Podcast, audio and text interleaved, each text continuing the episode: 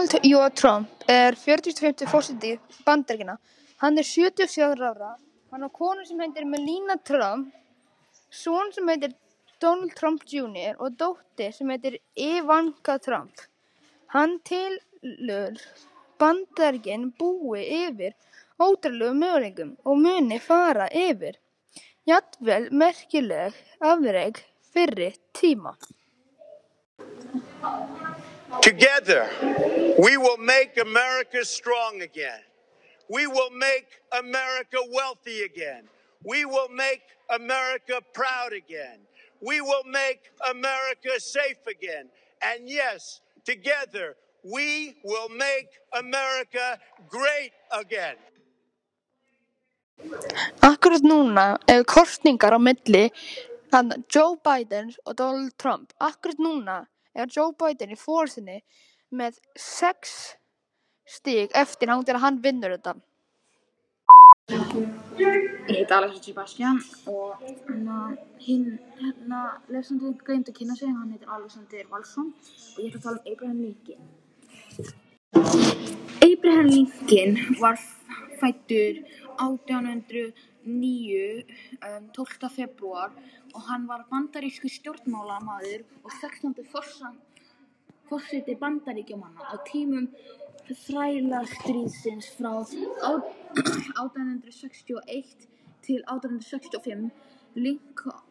Lincoln var meðlima Repúblikanaflokksins. Lincoln giftist Mary Ann, áður, áður Todd. Lincoln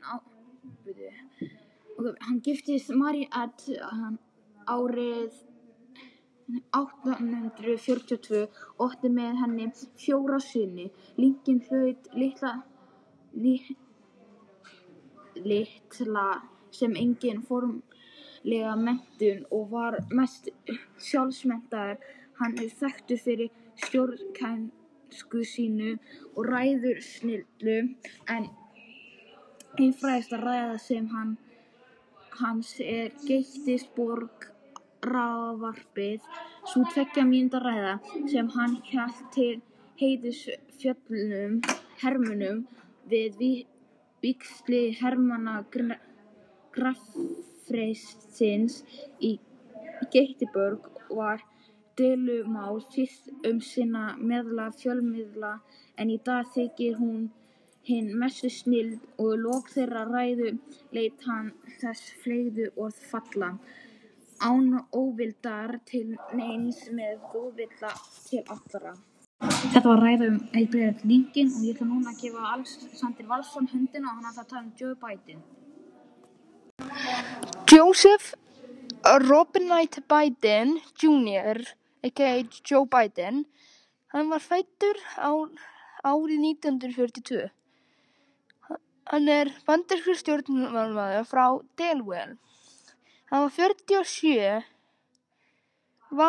var fjörutíu varaforseti Bandaríkjanna. Biden var áður öldungadeildarþingmaður í efri deild Bandaríkjaþingsins fyrir heimafylki sitt. Hann sóttist eftir tilnefningu demókrata sem forsetahöfðingi í forsetakosningum árið nítján hundrað áttatíu og forsetakosningum árið tvö þúsund og átta, en hætti við bæði framboðin eftir slakt gengi. Þann tuttugasta og þriðja ágúst tvö þúsund og átta tilkynnti Barack Obama að Biden yrði varaforsetaefni sitt í forsetakosningum. Obama og Biden unnu kosningarnar og náðu endurkjöri árið tvö þúsund og tólf.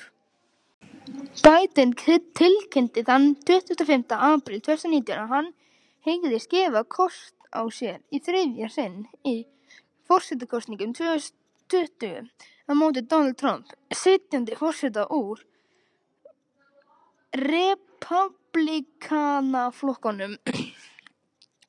Frá áttunda apríl 2020 hefur hann verið áætlað að hann hefði verið forseti Demókratsflokksins í kosningum, þar sem allir aðrir frambjóðendur í forvali flokksins höfðu þá dregið sig til hliðar vegna snaks gengisins. Biden var formlega tilnefndur frambjóðandi Demókrataflokksins á flokksþingi demókrata þann átjánda ágúst. Og þetta er endan á podcastinu, við höfum ekki meiri tíma og við sjáumst í næsta þætti eða hlustanþætti um random, tala um random hluti. Bye!